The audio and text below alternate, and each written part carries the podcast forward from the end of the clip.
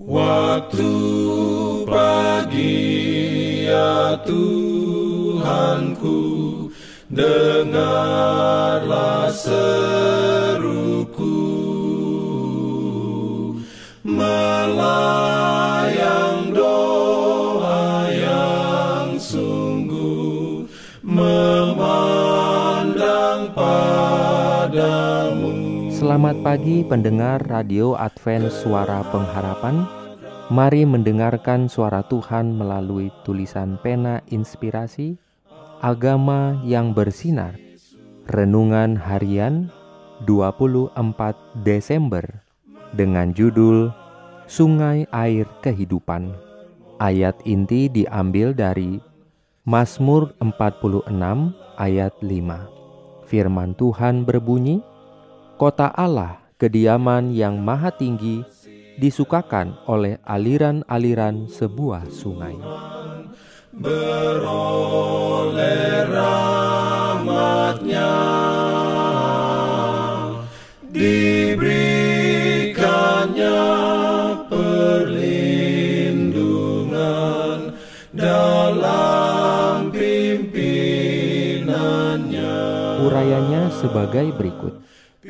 Nabi itu memandang sungai air kehidupan, jernih bagaikan kristal, dan mengalir keluar dari tata Allah dan tahta anak domba itu.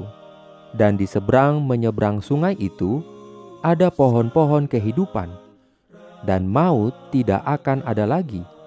Tidak akan ada lagi perkabungan, atau ratap tangis, atau duka cita, sebab segala sesuatu yang lama itu telah berlalu. Mereka tidak akan menderita lapar dan dahaga lagi, dan matahari atau panas terik tidak akan menimpa mereka lagi. Sebab anak domba yang di tengah-tengah tahta itu akan menggembalakan mereka dan akan menuntun mereka ke mata air kehidupan. Aduh, bahasa apa yang dapat digunakan untuk menyatakan kemuliaan dunia yang akan datang?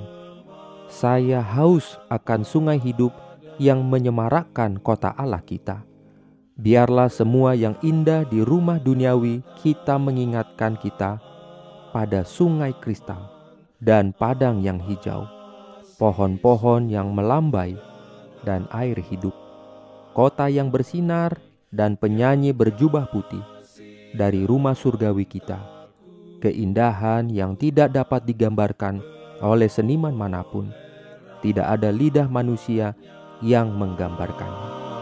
Amin. Diberikannya perlindungan dalam pimpinannya. Jangan lupa untuk melanjutkan bacaan Alkitab sedunia. Percayalah kepada nabi-nabinya yang untuk hari ini melanjutkan dari buku Yesaya pasal 31. Selamat beraktivitas hari ini. Tuhan memberkati kita semua. jalan kewajiban